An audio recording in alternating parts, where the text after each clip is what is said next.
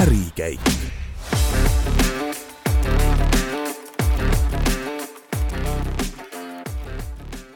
tere, head Ärikäigu kuulajad. ärikäigus räägime inimestega, kes on oma ettevõtlikkuse ja energiaga meile silma jäänud.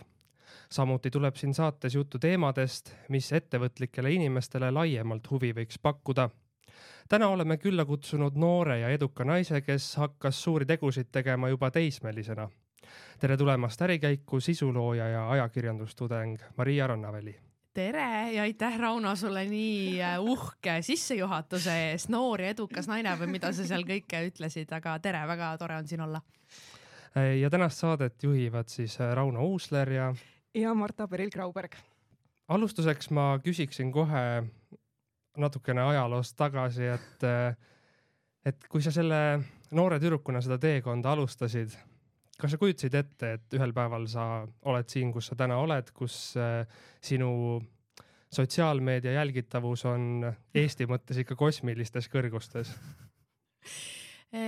ja kui ma ikkagi ka mõne aja tagant mõtlen ennast tagasi selle kaheteist poole või kolmeteistaastase või, olin vist nii vana, te teate paremini, mul on tunne, äh, selle nagu noore Maria pähe, siis äh, ma valetaks, kui ma ütleks, et tal ei olnud nagu juba sellist, ütleme, harilikku ka ideed sellest, et oleks ju äge, kui seda saaks äh, ka teha siis, kui ma noh, nii-öelda suureks kasvan. eriti kuna need eeskujud, kes mul tollel ajal olid, Ameerika Youtube erid, siis seal oli juba natukene välja kujunenud äh, selline Youtuberi ametikoht, kui niimoodi võib öelda. ja seal ma nägin, et äh, inimestel läks hästi ja et nagu osteti mingi esimesi kortereid ja maju lausa, noh, neil läheb endiselt paremini, paremini kui siin, aga, aga see andis mulle seda julgust äh, unistada, isegi kui see oli kuskil tagakuklas, et oleks ju lahe, kui minul ka nii hästi läheks ja et ma ei peakski midagi muud tegema aga millal sul see plõks ära käis ja kas sa mäletad, et kas see oli nagu just eelnevalt, et äh, otsustasid, et nüüd ma hakkan tegema ja nüüd ma saan edukaks või pigem alguses proovisid ja siis äh, mingi aja pealt mõtlesid, et oh, tegelikult sellega võib ju päris kaugele jõuda ka siin Eestis? kusjuures see katsetamise faas oli tagasi vaadates küllaltki lühike esimesed paar videot olid ikkagi noh, päris sellise ebakindla käega üles laetud, ma olen igal pool rääkinud seda lugu ka, kuidas mu üks endine klassivend kirjutas mulle ülipika kirja, et sa ei saa kuhugi tööle ja et see kahjustab su mainet elu lõpuni, et sa peaksid ikka need videod kohe sealt maha võtma. Eh, ja see nagu kõige julgustavam kohe alguses ei olnud. aga kui ma mõtlen sellele ajale ja aastale, millal ma tegelikult alustasin, mis oligi kaks tuhat viisteist, kaks tuhat kuusteist, siis samal ajal koos minuga olid äh, väga mitmed teised samamoodi seda teekonda ette võtmas ja, ja see, ma ei tea, võib-olla läkski mingi pool aastat mööda, kui juba hakati olude sunnil meid kõiki koondama, tulid, issand, koondama kõlas selles kontekstis valesti, nagu kokku tooma äh,. tekkis äh, selline Eesti esimene äh, sotsiaalmeedia sisuloojaid kokku toov äh, agentuur või kommuun Greatly kes tänasel päeval enam ei tegutse, aga kellel sellel kahe tuhande kuueteistkümnendal aastal oli ülisuur roll tegelikult meie kõigi noh, karjäärides, kui niimoodi võib öelda ähm,. aga minu perspektiivist see muutus tegelikult toimus hästi ruttu, et üks hetk ma laadisin äh, oma kodus, äh, mis on minu rannakotis video üles järgmine hetk oli meil mingi eraldi ruum, kus me saime kohtuda ja meie ees olid brändid, kes tahtsid meiega koostööd teha ja, ja see nagu äh, muutus käis, käis päris kiirelt ja kas sa mäletad ka seda esimest nii-öelda diili? Ja, mis see oli? see oli Sportland Eestiga, äh, ma mäletan väga täpselt seda, sest see oli, äh, ütleme, katsetamine meile kõigile. Äh, see on lahe, et Sportland tegelikult ettevõttena siiamaani on üks nagu väga äh, eeskujulikke brände, minu meelest sotsiaalmeedias alati katsetavad äh, julgelt uusi asju ja ka siis nemad olid nagu esimesed valmis katsetama. ma mäletan väga hästi, see oli selline video minu Youtube'i kanalil, kus siis mina ja teised Eesti blogijad näitasime, mis on meie seljakottides ja noh, seljakotid olid Sportlandist äh,, mis oli nagu huvitav kontseptsioon, ma mäletan ka tegelikult selle agentuuri tegijatele, kes seda koostööd koos minuga kokku panid, see oli nagu natukene võõras, me alles katsetasime äh,. kuigi sel videol tegelikult läks äh, minu meelest väga-väga hästi, aga lihtsalt see, et minuga koos olid seal teised blogijad ja siis me istusime mu voodi peal ja me kõik koos näitasime, et tagasi vaadates see on tegelikult nagu väga-väga tore ja armas, aga tol hetkel see oli väga uus ja huvitav ja natukene hirmus ka tegelikult. Aga tulles korra tagasi su selle algusaja juurde äh,. mis sa arvad, mis su see X-faktor oli, et, et sa said edukaks ja mis sa arvad, kas see X-faktor on kuidagi ajas muutunud, et ta on kuidagi Mhm. praegu teistmoodi, kui, kui ta algusaegadel oli? see on väga tabav küsimus, sest tavaliselt küsitakse alati seda, et mis su see X-faktor on ja oli, onju. ja, ja ma nõustun sellega, et see on ajas muutunud, kui ma mõtlen äh, ennast nüüd ajas tagasi, siis äh, tol ajal ma olen täiesti kindel, et teisi sisulaid oli, tehti no ma ei oska, ma ei ole päris kindel, mis tüüpi sisu see oli, aga võib-olla mingit gaming sisu, no natuke teist tüüpi sisu tehti, muidu kui ma ütlen, et ma olin esimene, siis ma saan kellegi käest nurga taga pärast tappa, et ei, ei, keegi oli veel enne sind, aga sellist äh, Ameerika sisuloojatelt inspireeritud elustiili sisu äh, mina ei olnud varem näinud. Ja mida see elustiili sisu tähendas, see tähendas seda, et sa näitasid, mida sina oma igapäevaelus tegid, sa näitasid oma pereliikmeid, sa näitasid oma kodu, sa näitasid ennast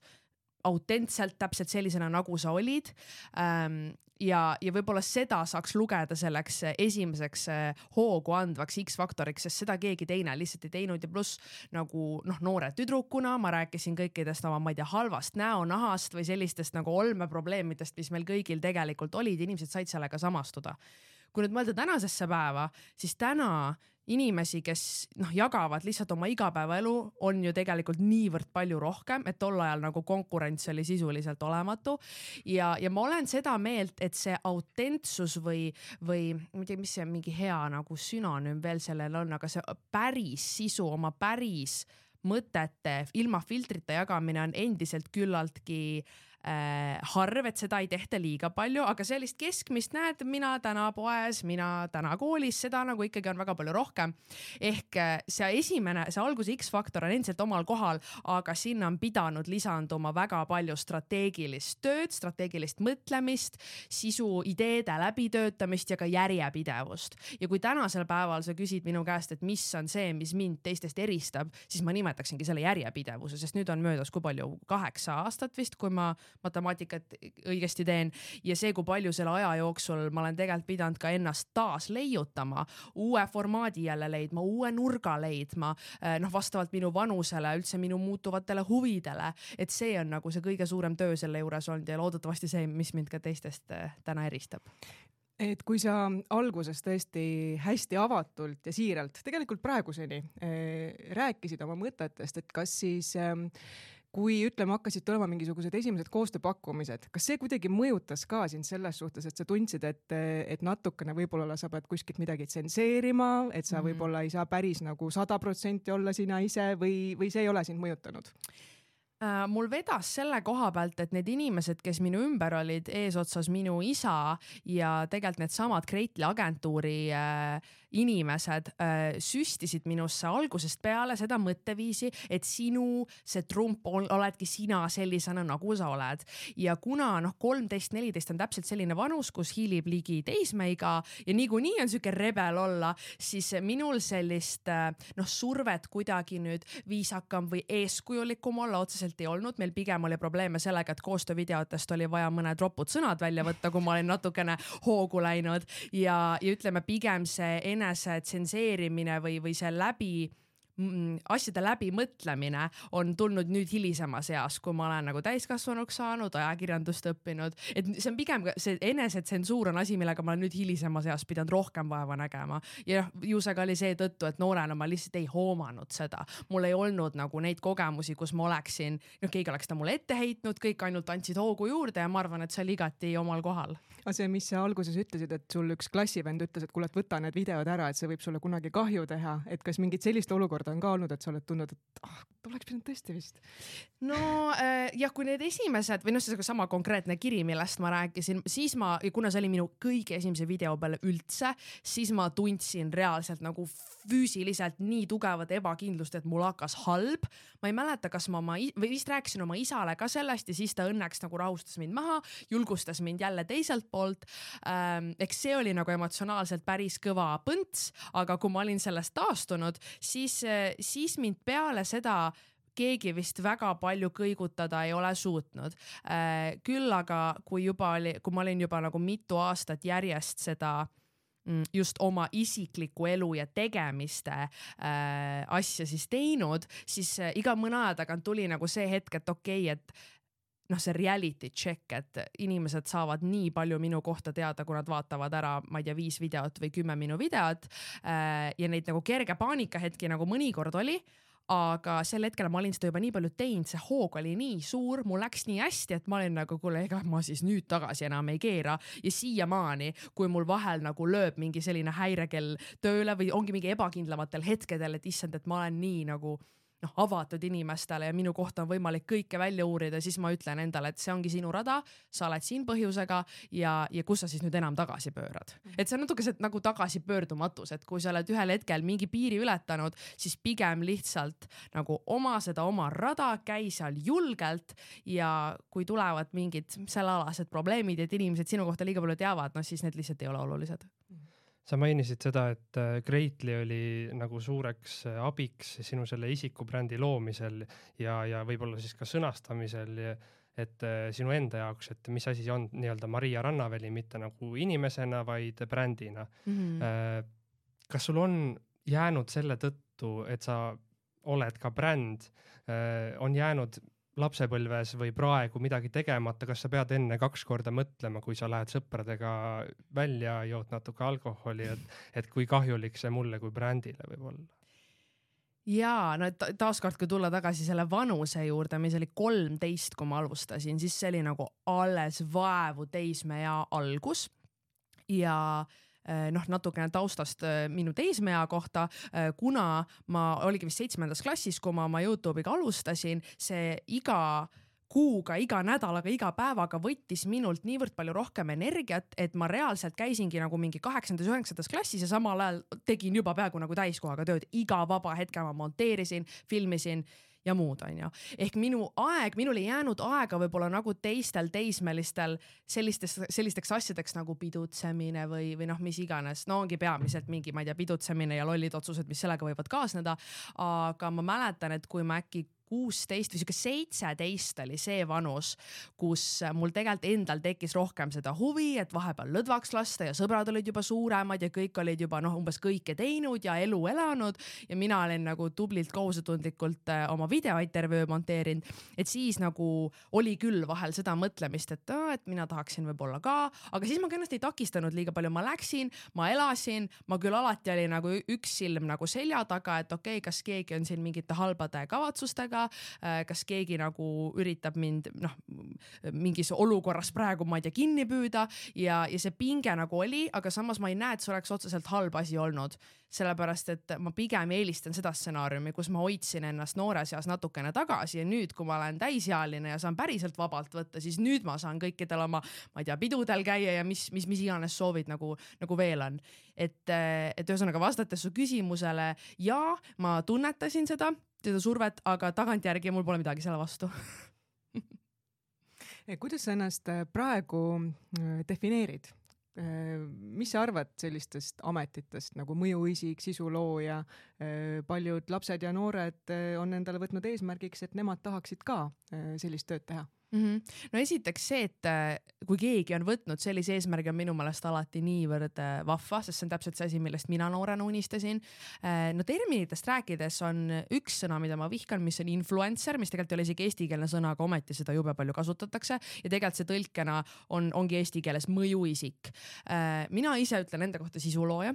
sest sisulooja kehtib nii sotsiaalmeedias, see kehtib, no igaüks võib olla sisulooja. Äh, sa võid olla kirjanike sisulooja, ajakirjanike sisulooja, Youtuber sisulooja, isegi kui mu isa kirjutab Facebooki postituse, tema on ka siis sisulooja, ehk see on selline nagu vihmavarju termin, kuhu alla käivad kõik loovad isikud ja, ja see minu jaoks on sobinud kõige paremini loodetavasti sellest kevadest ma saan ennast ka paberitega ajakirjanikuks kutsuda. aga kõik need jah, mõjuisikud või suunamudijad vihjavad nagu inimeste mõjutamisele kuidagi väga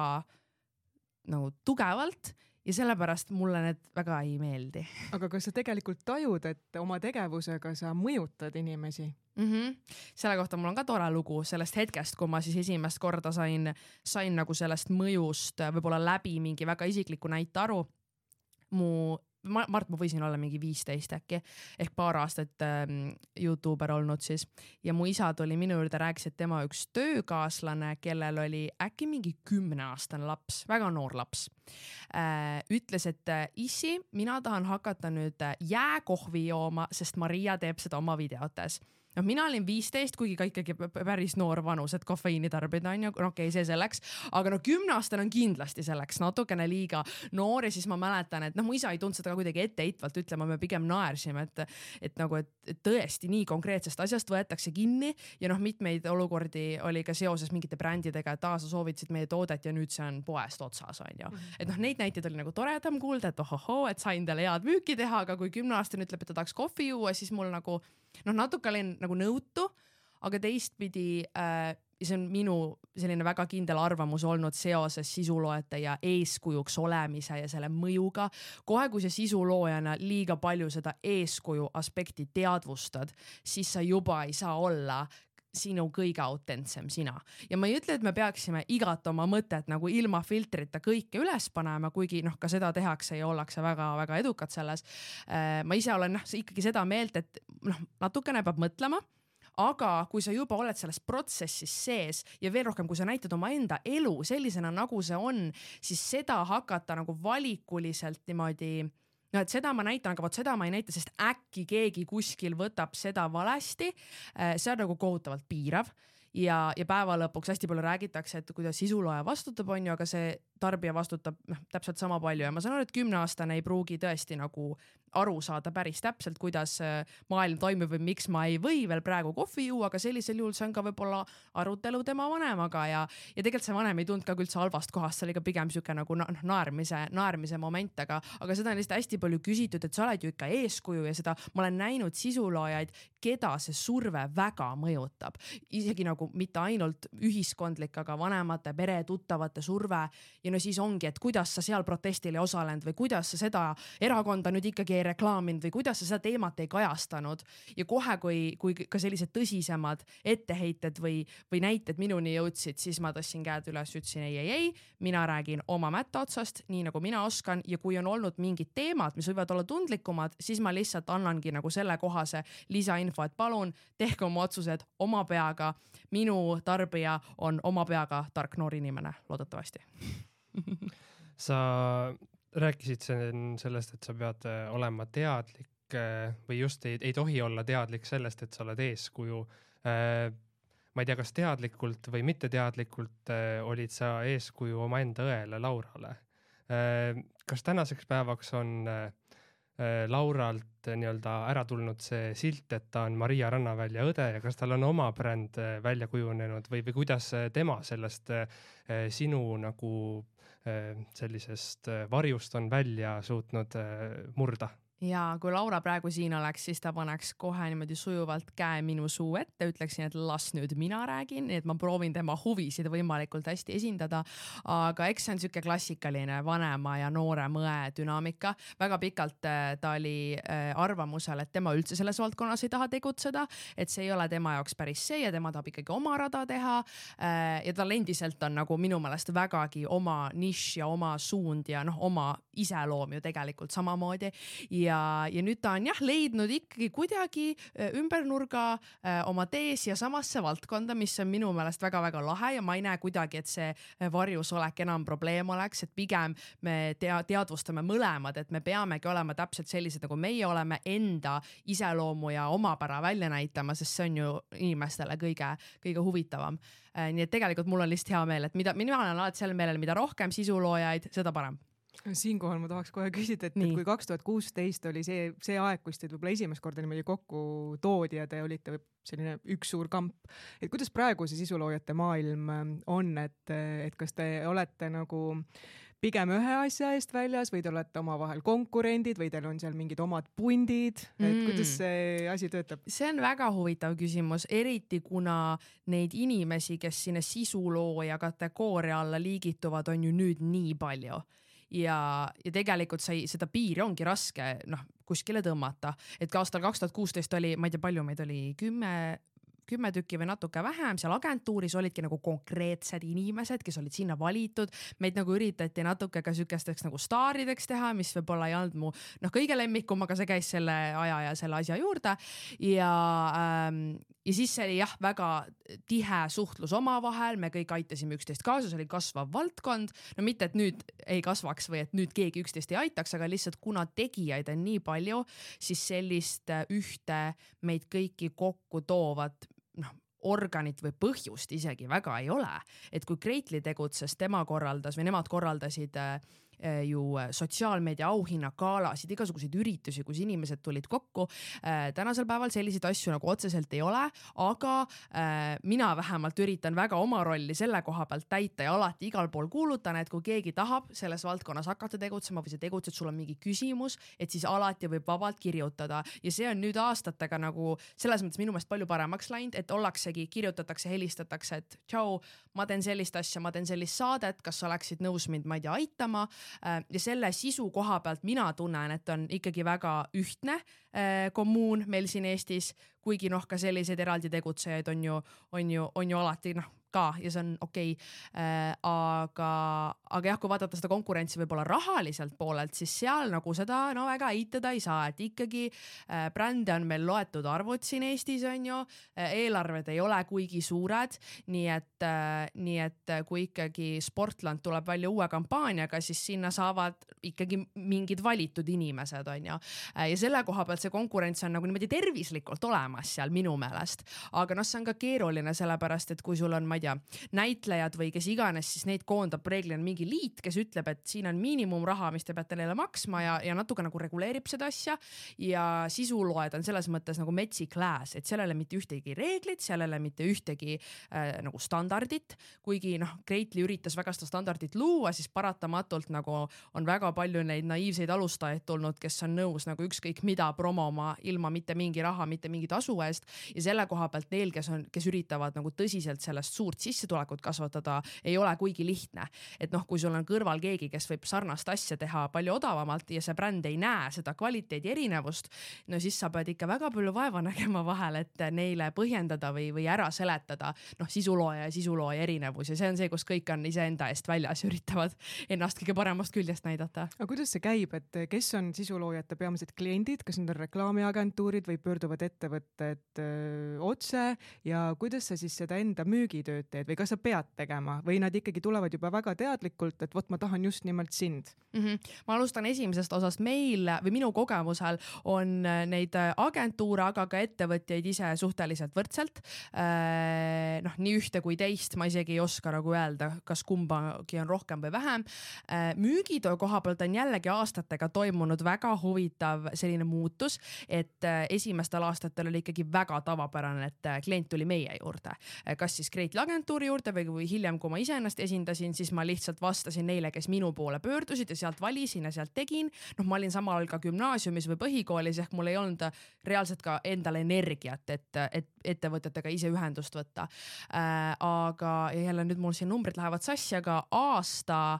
aega tagasi ehk tegelikult küllaltki hiljuti alustasin mina ise või tegelikult okei okay, kaks aastat tagasi, kui ma korrektne olen, alustasin ma ise väga aktiivset müügi poolt ka enda poolelt ehk reaalselt nagu nende ettevõtete kaardistamist, kes mulle huvi pakuvad, kes võiksid minu brändiga kokku äh, sobida, kelle puhul ma ka näen, et mina saaks neile mingit äh, nagu väärtust reaalselt luua, sest see pole ka alati nii, igale ettevõttele ei ole vaja sisuloojale maksta tuhat eurot ühe mingi video eest, et see on ka nagu väga selline sobitamise küsimus ja oleneb reaalselt olukorrast ja sellest, kui suur see ettevõte on, mis nende eesmärgid on ja nii edasi. Ähm,. nii et jah, tänasel päeval see müügitöö on või need, need brändid, kellega me koostööd teeme, ma räägin kogu aeg mitmusest, sest ma tegelikult töötan koos oma äripartneri Annaga, kes siis minul aitab äh, seda müügipoolt just hallata. Ja meie e-, enamik meie kliente on on äh, ettevõtted, kellele me oleme ise kirjutanud ja kellega siis ongi pikas jooksus arenenud välja äh, selline mõnus ja tore koostöö, mis tegelikult mõlemale poole ka reaalselt äh, kasulik on.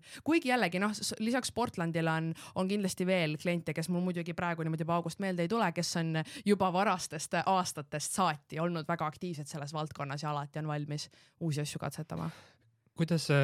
kuidas ettevõtted on nagu ajas äh, muutunud selles mõttes, et äh, kui palju nad on nõus äh, sellise toote või, või kampaania eest maksma, et ma kujutan ette, et kuna sa ise ütlesid ka, et algusaastatel oli see suhteliselt uus asi ka ettevõtjate jaoks selliseid koostöid teha, et kas sa tunned, et see number on nagu kasvus või on jõudnud sellise mingi kindla punktini ja jääb siia järgnevateks aastateks mm? -hmm no ütleme, tulevikku on äh,, on raske ennustada, aga kui ma võrdlen seda, mis on juba olnud, siis äh, algusaastatel olidki mingid väga vähesed ettevõtted, kes olid avatud meelega, kes olidki valmis katsetama ja ka reaalselt raha sisse panema äh,. ma, minu see kõige esimene Sportlandi koostöö tõi mulle kolmeteistaastale, aastasele sisse tuhat eurot, mis on ikkagi, kui sa usaldad oma brändi kolmeteistaastase kätte mõnes mõttes, siis see on ikkagi väga suur investeering, arvestades, et sa ei ole sellisesse reklaamikanalisse kunagi kunagi ühtegi eurot pannud. ja, ja, ja nende brändide seas oli seda avatud meelt, aga ütleme, üheksakümmend protsenti olid väga skeptilised, heal juhul saadame sulle kasti jooke, palun tee kümme postitust sellest, noh a la. tänasel päeval mul on tunne, et see on natuke nagu tasandunud, et, äh, et võib-olla nendes esimeste ettevõtete seas oli ka palju sellist pimesi uskumist, et katsetame ja, ja, ja väga palju oli sellist esimest hoogu tegelikult videotel läkski nagu Youtube'i platvormil kordades paremini, kui tegelikult võib-olla täna läheb, et ka vaatamised on tulnud natukene stabiilsemale tasandile ja väga palju on tulnud äh, just ka väiksemaid ettevõtteid, kes tegelikult on valmis investeerima investeerima, juhul kui ka noh, mitte neile niimoodi hirmsalt peale lennata ja kohe mingi mitu tuhat eurot eelarvest küsida, vaid juhul kui nagu sisulooja ise oskab ka mõistlikult läheneda, siis minu vähemalt kogemus vähemalt näitab, et on, on väga palju neid ettevõtteid, kes tegelikult on valmis. Äh, nad on valmis sind ära kuulama, nad äh, vahel vajavad natukene mitte nagu abi, aga nõu, et mida selles valdkonnas, mida meie äh, selle toote või selle kampaania promomisel üldse oleks kasulik sotsiaalmeedias teha, aga kui seda kõike protsessi nagu niimoodi rahulikult võtta ja, ja, ja kogu aeg olla nagu kindel, et mõlemale poolele on asi kasulik ja huvitav, siis äh, on vägagi võimalik leida nagu põhimõtteliselt igast valdkonnast ettevõtjaid, kes oleks nõus sotsiaalmeedia äh, sisu eest maksma mm. -hmm. ja ma küsin, et ähm, jällegi võrreldes võib-olla seda algusaega ja nüüd, et, ähm, et, et ma kujutan ette, et sa alustasid mingisugustest sellistest toodetest äh, ja brändidest, mis sulle tundusid endale lihtsalt nagu ülilahedad. et ähm, äh, siin paar saadet tagasi me rääkisime äh, reklaamiseaduse muudatustest äh, ja sellest, et kuidas see maailm on ka muutunud äh, siin viimase paarikümne aasta jooksul just nagu tänu sotsiaalmeedia tulekule. et äh,, et kui palju sa nagu teadvustasid, ütleme seal algusaastatel, et, et sa teed kellelegi promo nagu lihtsalt sellepärast, et see on sinu arvates lahe asi ja kui palju see nüüd äh, on äh, nagu see tasakaal, et, et mingid siuksed asjad, mis on sinu arvates lahedad või mingid ideed või mingisugused algatused äh,, mis on lihtsalt sulle endale nii olulised mm -hmm. ja versus see, mis tuleb väljaspoolt mm. -hmm. Äh, ma jälle alustan küsimuse esimesest otsast, et äh, ikkagi nendel esimesel paaril aastal ma küll noh, sain aru, noh, kellele me sisu teeme, ma nagu olin kohal, ma, ma olin selles protsessis kaasatud, aga mis mul oli puudu, oli võib-olla see ettevõtte perspektiiv. et kuna äh, nende sellesama Greatly agentuuri peamine eesmärk oli üldse ettevõtteid harida, et sotsiaalmeedia reklaam on midagigi väärt, siis meile süstiti seda mõtteviisi, et sina pead küsima raha, sina oled väärt seda, sina ei tohi teha allahindlust, sa ei tohi solkida turgu noh, tänapäeval, kui sa ainult siukse mindset'iga oled, siis sa ei jõua kuigi kaugele, sellepärast et ettevõtted nagu pimesi äh, lihtsalt sulle raha ei anna ikkagi äh, ja, ja ka väga suurt summat ei pruugi kohe paugust anda. ehk aastatega ma ise tunnen, et on äh, lisandunud seda ettevõtte perspektiivi, et ma oskan ennast nende kingadesse panna ja, ja reaalselt nagu nende perspektiivist vaadata seda, mis muutis minu jaoks kõike. et kui noh, selle esimese Sportlandi koostööl mina mõtlesin, vau, mulle makstakse tuhat eurot, oh my god, siis siis tänapäeval ma pigem mõtlen, et no nii, kui suur võiks nende turunduseelarve üldse olla, vaadates ettevõtte suurust ja kui suur risk see nende jaoks on, kui nagu, kui no just seesama, kui riskantne see on või kui suure tüki see nende nagu teistest reklaamikanalitest ära võtab ja see on aidanud väga palju koostöid reaalselt nagu ellu ka viia. Eh, ja see teine küsimuse osa, et kui palju tänasel päeval on, no ühesõnaga sa juba küsisid, ma ei hakka kordama, eh, siis tõesti eh, esimestel aastatel oli väga palju rohkem seda vabadust, et see, mis tuli, mina otsustasin, on lahe, ei ole lahe, okei okay,, teeme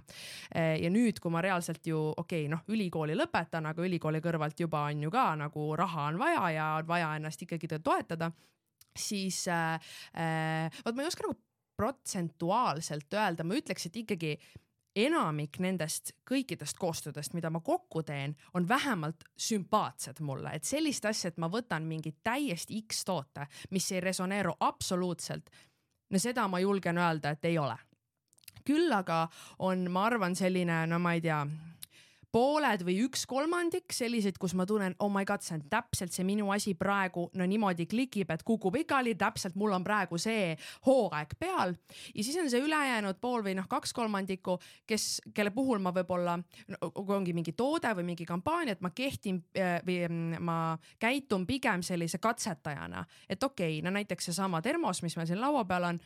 ma ei tea, mul ei olnud seda termost enne, ma ei olnud mingi suur fänn enne, aga ma uurisin, ma tegin äh, noh, tegingi nagu taustauuringut, vaatasin, kas ma ise tarbiks, kas ma ise seda hinda maksaks ja kui sellisel juhul ta tundub ikkagi hea toode, siis ma noh, samamoodi teen selle koostöö ära. ja, ja no ütleme, see on vajalik osa sellest, et äh, need, kes on jäänud äh, võib-olla sinna faasi, et sa lihtsalt validki väga-väga oma kõige tugevamast sisetundest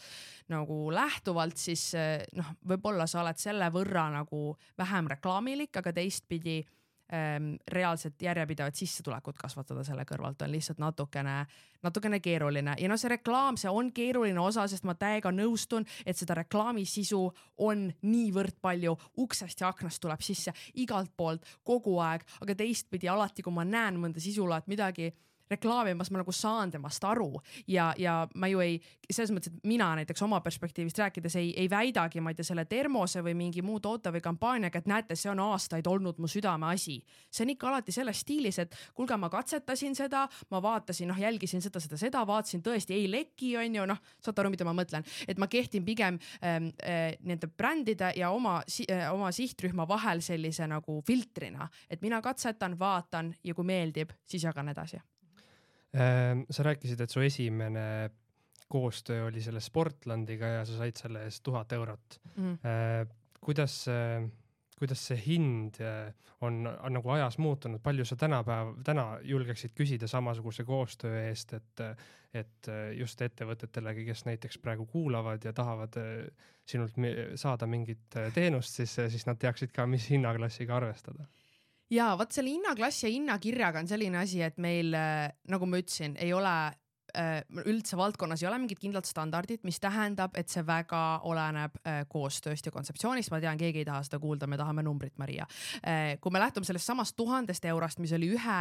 Youtube'i video eest, ma loodan, ma mäletan õigesti, aga põhimõtteliselt nagu ma arvan, et see on päris õige vahekord. ühe Youtube'i videos, video eest see tuhat eurot, aga teades, milline mõju sellel konkreetsel Youtube'i videol sellel algusaastal oli, siis ma ütleks, et see hind on tegelikult täna odavam. lihtsalt sellepärast, et see noh, nagu, nagu ma juba enne ütlesin, tegijaid oli niivõrd vähe ja see mõju oli niivõrd otsene tänapäeval, kuna lihtsalt tarbija on nii palju targem, siis inimesed ei lähe pimesi ostma endale kohe nagu hordides seljakotti koju, aga juhul, kui su toode reaalselt paistab silma ja see on reaalselt erinev, siis on nagu need targad kliendid, kes tulevad, nad ostavad ja võib-olla nad järgmine kord noh, usuvad rohkem, kui sul tuleb uus toode, noh, väga niimoodi lihtsustatult on ju äh,. aga kuna lihtsalt mainisin enne vist ka, et näiteks Youtube'i platvormil on need stabiilsed vaatamised lihtsalt natukene langenud, kuna noh, loomulik asjade käik, esimene hoog oli väga suur ja nüüd see on lihtsalt stabiliseerunud, siis selle koha pealt ka need hinnad minu kogemusel on natuke stabiilsemad ja natukene noh, söödavamad või inimlikumad äh, ettevõtete perspektiivist, et see ei ole see, et sa tuled koostööle ja pead kohe nagu mingi viis tonni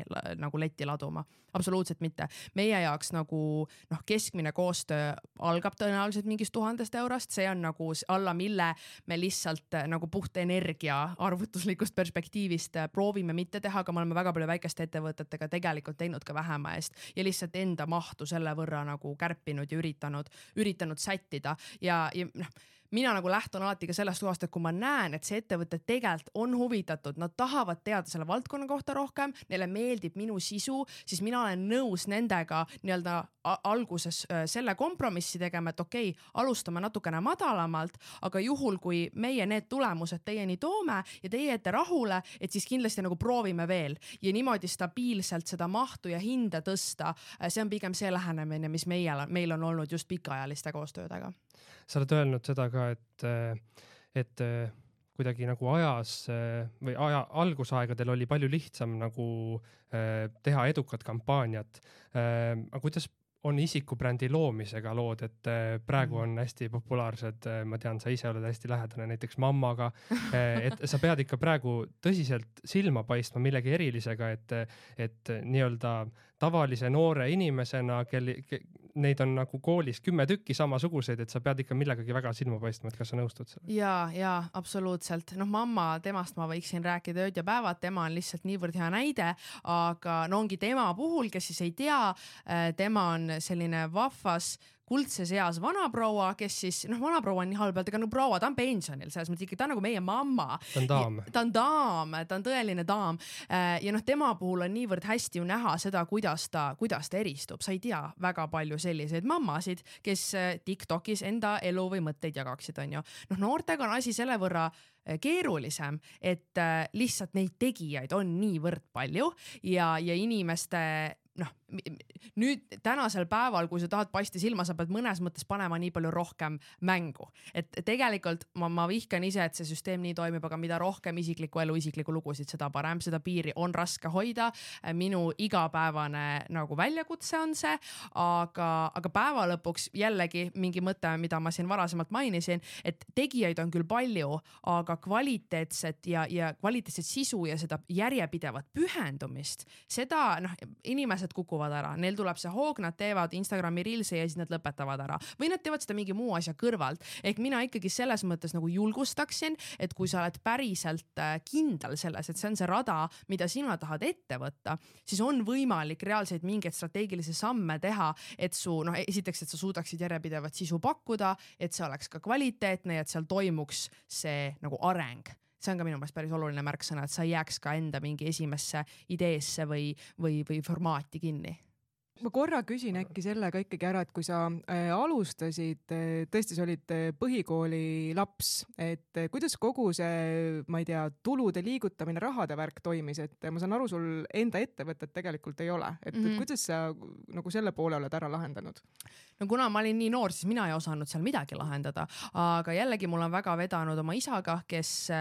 üheksakümnendatel alustas oma reklaamifirmaga ehk tegelikult vägagi sama valdkond, samad kogemused, nüüd natukene äh, tänapäevase kastmega, aga põhitõed on ju samad, nii et esimese sellise A ja O ettevõtte äh, nagu korraldusliku poole pealt ma saingi temalt ja noh, kuna ma olin nii noor, siis ma ei saanudki muud moodi, muud moodi seda lahendada. Ja jällegi ma olen nii tänulik talle, et ta minu jaoks ei teinud ka asja keeruliseks, et ta nagu oligi nõus mingite, ma ei tea, lepingute või asjadega mind aitama ja ma sain olla kaasatud, aga, aga samas mul oli ka see tugi, tugi selja taga ja tänasel päeval endiselt äh, mingite, ma ei tea, raamatupidamiste või arvete asjadega mul on endiselt see tugi, kuhu ma ma tagasi langen vajadusel ja, ja kuna see äh, nendest algusaastatest kujunes välja niimoodi, et ma siis oma isa reklaamifirma osaks mõnes mõttes sain, siis see on äh, endiselt niimoodi lihtsalt olnud ja, ja võib-olla see on ka sellel põhjusel, et ma ise näen, et minu enda isiklikust sisust võiks ühel päeval areneda ka välja midagi agentuuri sarnast ähm,. nii et see on ka võib-olla üks selline tuleviku mõtteid, mida tahaks avastada ja õnneks mu isa on endiselt vägagi, vägagi pardal ja nõu ja, ja igakülgse jõu ja jõuga alati, alati abiks olnud. nii et oma ettevõtte loomine ikkagi võib-olla mingil hetkel juhtub? ja no vaata, öeldakse küll, et Eestis on lihtne seda oma ettevõtet teha, aga, aga mina nagu ütlen julgelt, et, et tegelikult nagu ei ole selle koha pealt, et jah, sa võid selle juriidilise keha ära teha, aga kui sa vaatad, kui noh, no ma nüüd pean vaatama, et ma midagi ütlen, millega ma pahandustesse satun, aga kui lihtsalt vaadata, mis otsuseid äh, meie riik teeb ja kui, kuidas need tegelikult kaudselt ettevõtjate elu teevad raskemaks, alles nüüd tullakse nokkima jälle mingi OÜ-tajate kallal, okei okay,, noh, see selleks, et selle koha pealt äh, ei ole olnud mingi nii kerge asi, et oh, ma nüüd siin laupäeval teen ära, et sellepärast ma olen ka oma praeguse lahenduse juurde jäänud, et mitte oma enda elu keerulisemaks teha. aga sisulises mõttes oma ettevõtte, no ütleme oma tegemisi ma tegelikult juba oma peas näen oma ettevõttena sisu mõttes, aga tulevikus kindlasti ka formaalsemas ja, ja laiemas mõttes loodetavasti. okei okay,, aga liiguks nüüd sinna, et ähm, eh, tegelikult meedia inimes-, inimene oled sa olnud juba nagu tõesti põhikoolist peale, aga otsustasid siis nagu päriselt ka äh, ajakirjandust õppima minna. et miks selline valik teades ju väga hästi omast kogemusest, et kuidas see uus meedia toimib, sa läksid siukest traditsioonilist ajakirjandust õppima, miks? on, ma ei tea, kuidas täpselt öeldakse, aga on mingi selline ütlus, et äh, selleks, et murda mängureegleid, sa pead neid reegleid tundma või noh, midagi sarnast, mõte, mõte jääb samaks. ja tegelikult seesama mõte, mis sa kirjeldasid, et aa, ma juba ju põhimõtteliselt seda teen, käis ka minu peast läbi. aga kui see gümnaasiumi lõpp jõudis kätte ja, ja ma ikkagi vaatasin neid erialasid, ma kaalusin oma variante, siis jällegi oma isalt sain ma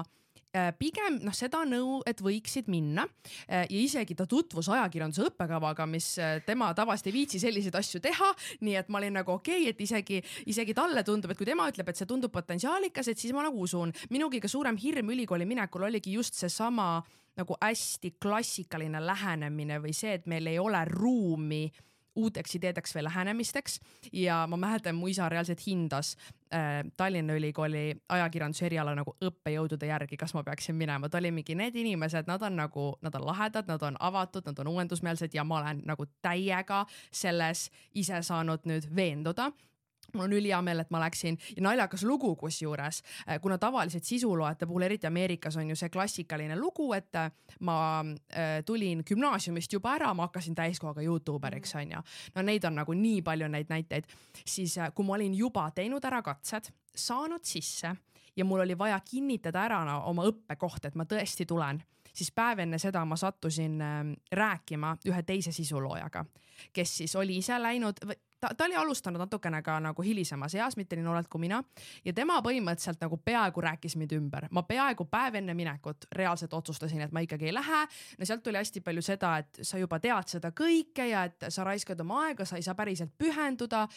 no see on nagu niivõrd kaugel sellest reaalsusest, mida mina praegu elan ja mul on nii hea meel, et ma ikkagi püsisin kahe jalaga, kahe jalaga maa peal ja, ja tänasel päeval see ajakirjanduse maailma tundmine, jällegi tulles nende reeglite tundmise juurde tagasi, on nagu niivõrd palju mu perspektiivi avardanud, et ma ei tea, mida ma teeksin, kui ma ei oleks kooli läinud, ausalt öeldes. ja see ei ole isegi ainult see teoreetiline teadmine, mis me seal saame või need võimalused, aga lihtsalt see, see mõtteviis, mida sa tegelikult ikkagi ülikoolist saad, sest need on ikkagi need aastad, kus sul aju veel areneb, on ju, mis on kahekümne viiendani või millal iganes. aju ikkagi veel nagu on, on väga vastuvõtlik ja, ja minu jaoks äh, on see jah, igati ennast, ennast ära tasunud ja kõige tänulikum ma jällegi ei ole nende teoreetiliste teadmiste üle, aga nende inimeste, nende õppejõudude üle äh, meie äh, praktika ja, ja mitmete teiste nagu oluliste kursuste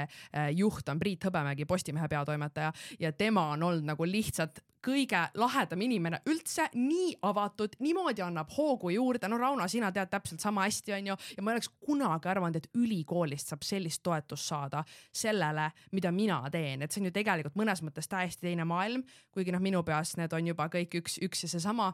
aga, aga see on jah, nagu kõige, kõige sellisem, see asi, mida mina sealt ülikoolist kaasa võtan, nüüd kui ma selle loodetavasti kevadel, kevadel ära lõpetan ka. kui äh, jätta kõrvale korra see koolistress, mida ma ise tean, et on kolme aasta jooksul saanud päris hästi seda nosida seal. kas sa oled vahepeal tundnud ka, et pekki, ma ikka tegin selle vale otsuse, et ma tulin siia ülikooli õppima mm? -hmm tahaks vastata, et jaa, iga nädal, aga tegelikult päris nii hull see asi ei ole. ma just sain aru, et ega ma eelmisele küsimusele väga otseselt ei vastanudki. ma korra vastan sellele ära, sest see seob selle sinu küsimusega kokku, et miks siis minna ajakirjandust õppima ja mida ma nagu olen aru saanud, on see, et kui sisuloome on metsik-metsik lääs, siis ajakirjandus on peaaegu nagu sama asi, aga ülipalju strateegilisem. strateegilisem, seal on noh, esiteks see on nii palju vanem valdkond, inimesed on nagu teinud kõik need vead sinu eest ära ja mis puudutab sotsiaalmeedia sisu ja ajakirjanduslikke põhimõtteid, siis see on olnud ülikasulik reaalselt ideede väljamõtlemiseks äh,. ja just ka selleks, et sa suudaksid järjest nagu ka ja pikemas perioodis neid ideid välja genereerida, inimeste huvi, kõik sellised asjad nagu on see teoreetiline osa, mis mind on tegelikult väga toetanud ja kus ma tunnen, et sisuloojad vahel jooksevad kokku ja, ja noh, et kus ma alustan või keda, keda ma nüüd siin omale podcast'i külla kutsun või et või kui, miks mul see asi ei toimi, et tegelikult seda strateegilist teadmist on olnud väga-väga vaja ja seda on kool pakkunud ka. vastates nüüd sinu küsimusele, siis noh, ega, ega ülikool ei ole ka selline ainult praktika ja jube lõbus on ju, meil on olnud mitmeid kursusi, mis on olnud üliteoreetilised ja absoluutselt mitte meie erialaga nagu kokku puutuvad ja need ma olen lihtsalt sujuvalt läbi libisenud ja minu meelest see on täiesti okei okay,, et ülikoolis sa ei anna igal kursusel endast maksimumi, vaid sa natuke ka valid vastavalt omaenda huvile, omaenda oskustele. aga mul on hea meel öelda, et valdavalt meil on ikkagi olnud, tegelikult on olnud kasulik sest igast asjast, isegi kui sa arvad, et see on mingi kaugem valdkond või asi, midagi ma olen ikka saanud kaasa võtta enamikest, enamikest kursustest ja. ja kui sa nüüd vaatad ähm, selline peaaegu diplom käes ajakirjanikuna äh, seda ajakirjandusmaastikku Eestis, et mida sa märkad, et kui sa ütlesid ka, et, et, et sa eh, nagu tajud, et mingisugust muutust võib-olla võiks sinna tu tuua sisse, et, et mida sina näed, et kuidas meil praegu asjad on ja, ja võib-olla mis sealt puudu on, et, et mida mm. sina võib-olla, kui sa hakkad, äh, ütleme, diplom taskus kuskil väljaandes näiteks toimetama, sinna tahaksid lisada? või mis on mm. valesti tehtud ka? issand, see on päris hea küsimus, mu mõte esimese asjana läks äh, märksõna objektiivsus juurde, sest äh, klassikalises ajakirjanduses rõhutatakse väga, et ajakirjandus peab olema neutraalne objektiivne ja noh, uudisajakirjandus tegelikult peabki, ma nagu sellele üldse ei vaidle vastu. aga noh, mis on peamine probleem, on, et noored ei noh nad ei loe, nad ei loe, ma ei tea, ajalehte, okei okay,, ajalehte, kes ikka tänapäeval üldse loeb, aga, aga noh, sõnastatakse tihti selle probleemina, et kuidas me saaks noori ka kaasata, eriti nagu meediakontsernide seisukohast, et kuidas me saaks nooremaid lugejaid ja noh, siis üritataksegi teha rohkem videosisu, pildisisu ja kui sa tegelikult ka sirvid reaalselt neid portaale, siis need on läinud äh, kuidagi noore inimese aju sõbralikumaks minu meelest äh, ka just nagu pildi ja videosisu poole pealt, mida ma tunnen, et on puudu, on võib-olla neid päris inimeste lugusid ja, ja läbi ka selle enda ajakirjaniku perspektiivi. jällegi objektiivsusel on oma koht, kui me edastame uudiseid või seda, mis ma ei tea, valitsuse pressikonverentsil on ju räägiti. aga tegelikult on ju nii palju pehmemaid teemasid, kus see, kui ajakirjanik saaks ka isikuna sinna sisusse sisse astuda, teeks selle asja niivõrd palju põnevamaks see oli iseasi, mida ma natukene kartsin teha, kui ma ka läksin äh, oma praktikat tegema Postimehesse aga seal ma tegelikult sain hoogu juurde, et see on see suund, mida noh, nemad, ma tean, tahavad minna ja juba liiguvad kindlasti ka nagu teised kontsernid ja väljaanded. aga, aga seda nagu mul tunne, et see osa on veel natukene lapse kingades, et, et see ajakirjaniku enda selline julgem ähm, perspektiiv või, või isegi subjektiivsus, ma julgen öelda mingitel, mingitel teemadel meil just nagu pärast paar päeva tagasi oli ju loeng koolis, kus me arutasimegi noh, poliitilise paralleelsuse kohta ja et kuidas nagu väljaannetel on mingid oma, oma kallakud ja ma ikka mõtlesin, et tegelikult see on, tegelikult see on nagu lahe, et kui sa tahad, sa saad mingil teemal nagu ühte korralikku subjektiivset arvamusartiklit ikkagi lugeda või kasvõi mingid ma ei tea, projektid, kus ajakirjanik läheb inimesele koju ja, ja, ja, ja on need mõned õnnestunud ajakirjanikud, kes ongi ennast ka per persoonina nii-öelda nagu pannud välja paistma ja seda on minu meelest ülilahe vaadata ja ma arvan, et tegelikult see liigub sinnapoole juba ka. Äh, mina vähemalt väga loodan. et ajakirjanikud ka kui no, sisuloojad, sisuloojad äh, kui, kui bränd. absoluutselt, tegelikult no seda nad ju ongi mm, -hmm. isegi kui nad loovad seda objektiivset sisu, nad on ikkagi selle sisu loojad, aga vot selles nagu subjektiivsemas maailmas jäävad nagu minu meelest ellu vähesemad, need jäävad, seal jäävad ellu need, kellel ka endal mingi arvamus on, endal mingi seisukoht on ja kes seda ka väljendada, väljendada oskavad aga see, kellel need omadused olemas on, võiks nagu minu meelest saada rohkem hoogu ajakirjanduses juurde kumb äh, raskem on, kas äh, olla ajakirjanduslikus mõttes äh, sisulooja või äh, olla sotsiaalmeedia sisulooja, sest ma tean, et äh, sa praegu äh, pooleldi hobi korras teed Postimehele ka nagu kirjutavat teksti, et mm, -hmm. et kumb sinu jaoks konkreetselt raskem on?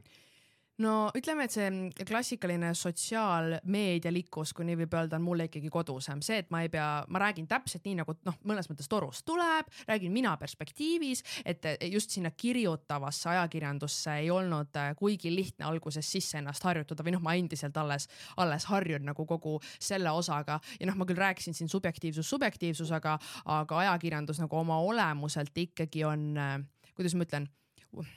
mõnes mõttes nagu one too many, et sa kirjutad mingi loo ja sa ikkagi loodad, et võimalikult lai äh, auditoorium näeb seda versus noh, sisuloojana sa tihti suhtledki ainult oma jälgijatega, et noh, ma juba tunnen teid, see ongi peaaegu sihuke nagu sõbrasuhe ja, ja ikkagi mingitel teatud olukordadel või teatud kohtades on vaja äh,, noh, minul on olnud vaja äh, Postimehes samamoodi nagu enda seda klassikalist ajakirjaniku seest üles leida, eriti mingite, ma ei tea, teemade äh, paremini lahti seletamisel või mingite teemade huvitavamaks tegemisel just laiem laiemale, laiemale publikule, et see on kindlasti olnud äh, minu jaoks väljakutse, aga, aga väga tore väljakutse minu meelest kus sa ennast näed mõne aasta pärast, et äh, kas Maria Rannaväli töötab ajakirjanikuna, äh, millises väljaandes, mida ta seal teeb või oled sa ikkagi pigem ettevõtja? või teed oma väljaande? ma just tahtsin öelda, et, et minu meelest see, mida ma praegu teen juba mõnes mõttes nagu on minu oma väljaanne. just täna mudisin oma podcast'i kirjeldust ja panin sinna julgelt kirja, et ongi lood Maria ja tema külaliste elust enesest minu perspektiivist, minu mätta otsast ja see on kindlalt see suund, suund, kuhu mina tahan edasi liikuda, see ei välista koostöid väljaannetega, praegu Postimehega võrratu koostöö, kus mul ongi ruumi selleks eh, minu persooniks ja minuga nagu valikuteks, keegi ei ütle mulle, keda ma ei tea, peab külla kutsuma või millest kirjutada, et see on see vabadus, mida ma tahan elu eest hoida. Äh, mis aga puudutab ettevõtluse poolt, siis ähm, kuna ma nüüd kevadel lõpetan ehk mul esimest korda on sügis, kus ma ei pea minema kooli, noh, kujuta ette, pole võimalik. et siis mul ka vabaneb selle võrra rohkem aega, mida ma tahaks natuke selle ärilise poole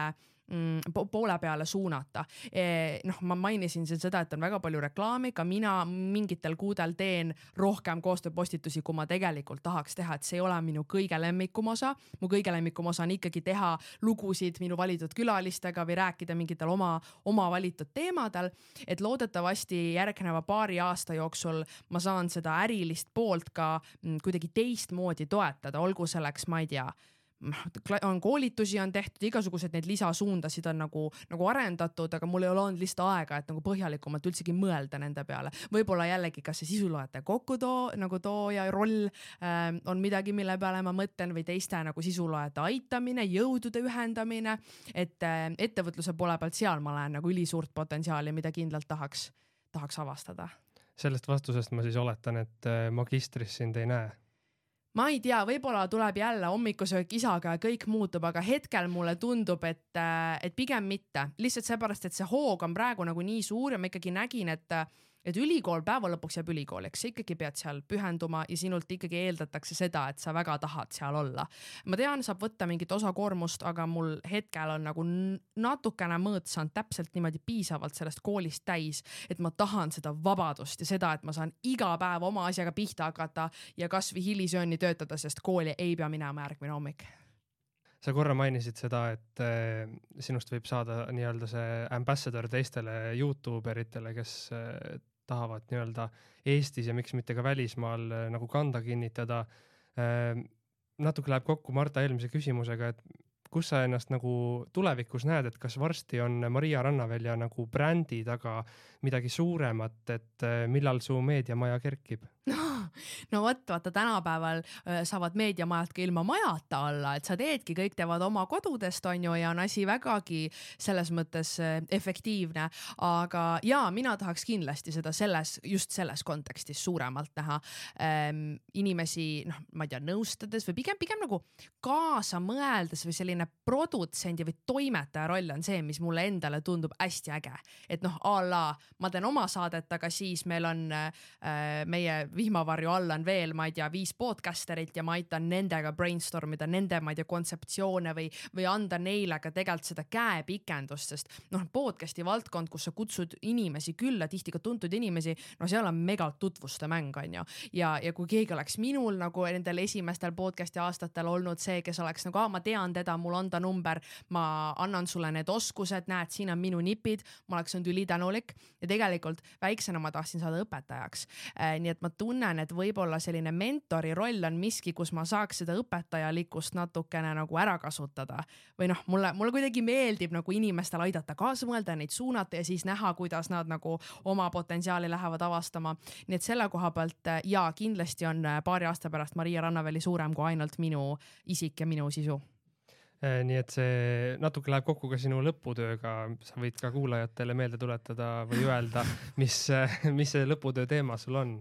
Ja no praegune lõputöö teema on noored inimesed, podcast'id ja uudiste tarbimine. et mind ennast nagu huvitab see, et kui palju äh, just podcast'e kuulates saadakse kas teadlikult või mitteteadlikult sellist kõvat klassikalist uudist, no a la mida räägiti valitsuse pressikonverentsil stiilis. et kuna ma ise tunnen ja tean niivõrd palju teisi noori, kelle jaoks need teemad jäävad vahel kaugeks klassikalises ajakirjanduses, siis ma tahaksingi kõigepealt nagu uurida, kuidas seis on ja siis potentsiaalselt seda infot omaenda sisus äh, ära kasutada. aga noh, mul on siin alles seminarid ees, nii et ma hea meelega räägin põhjalikumalt sellest tööst siis, kui tehtud on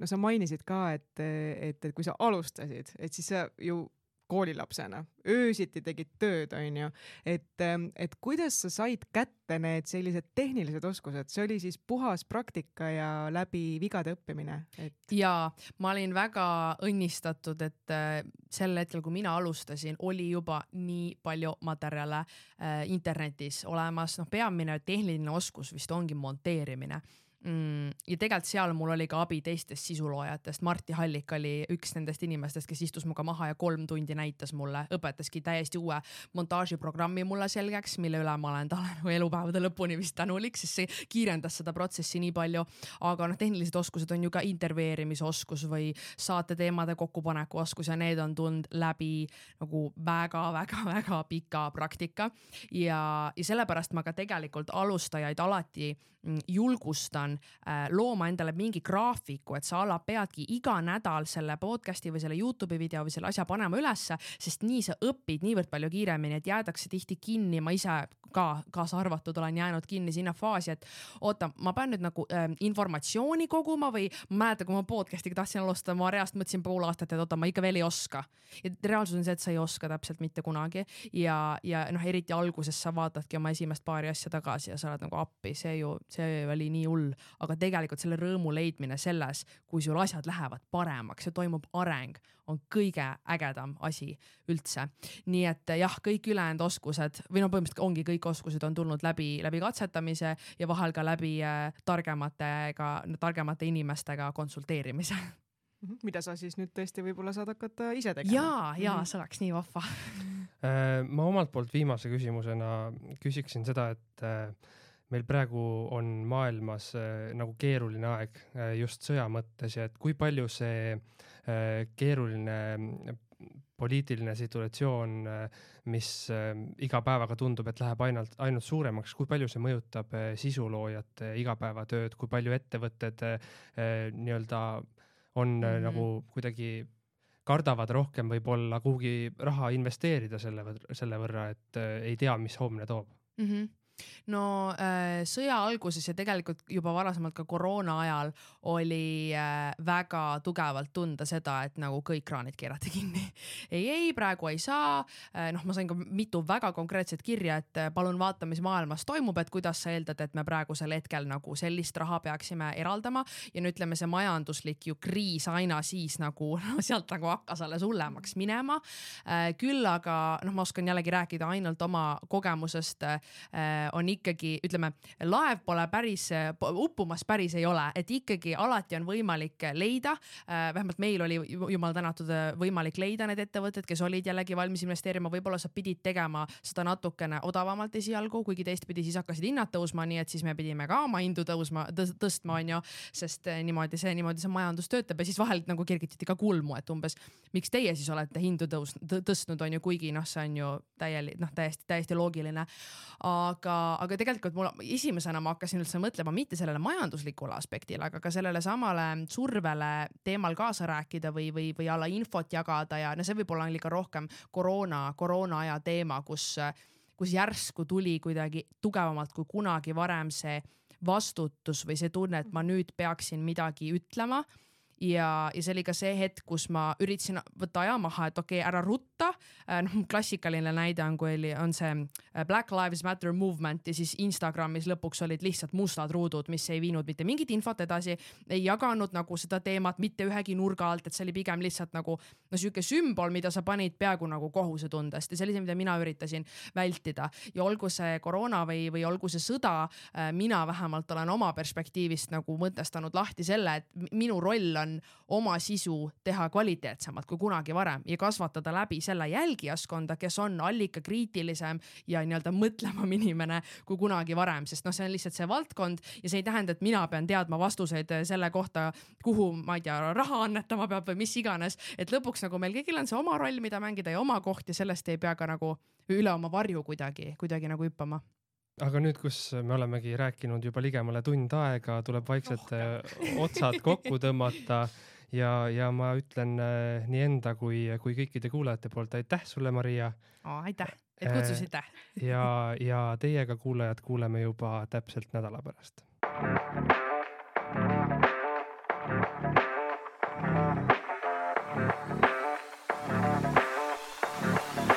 ärikäik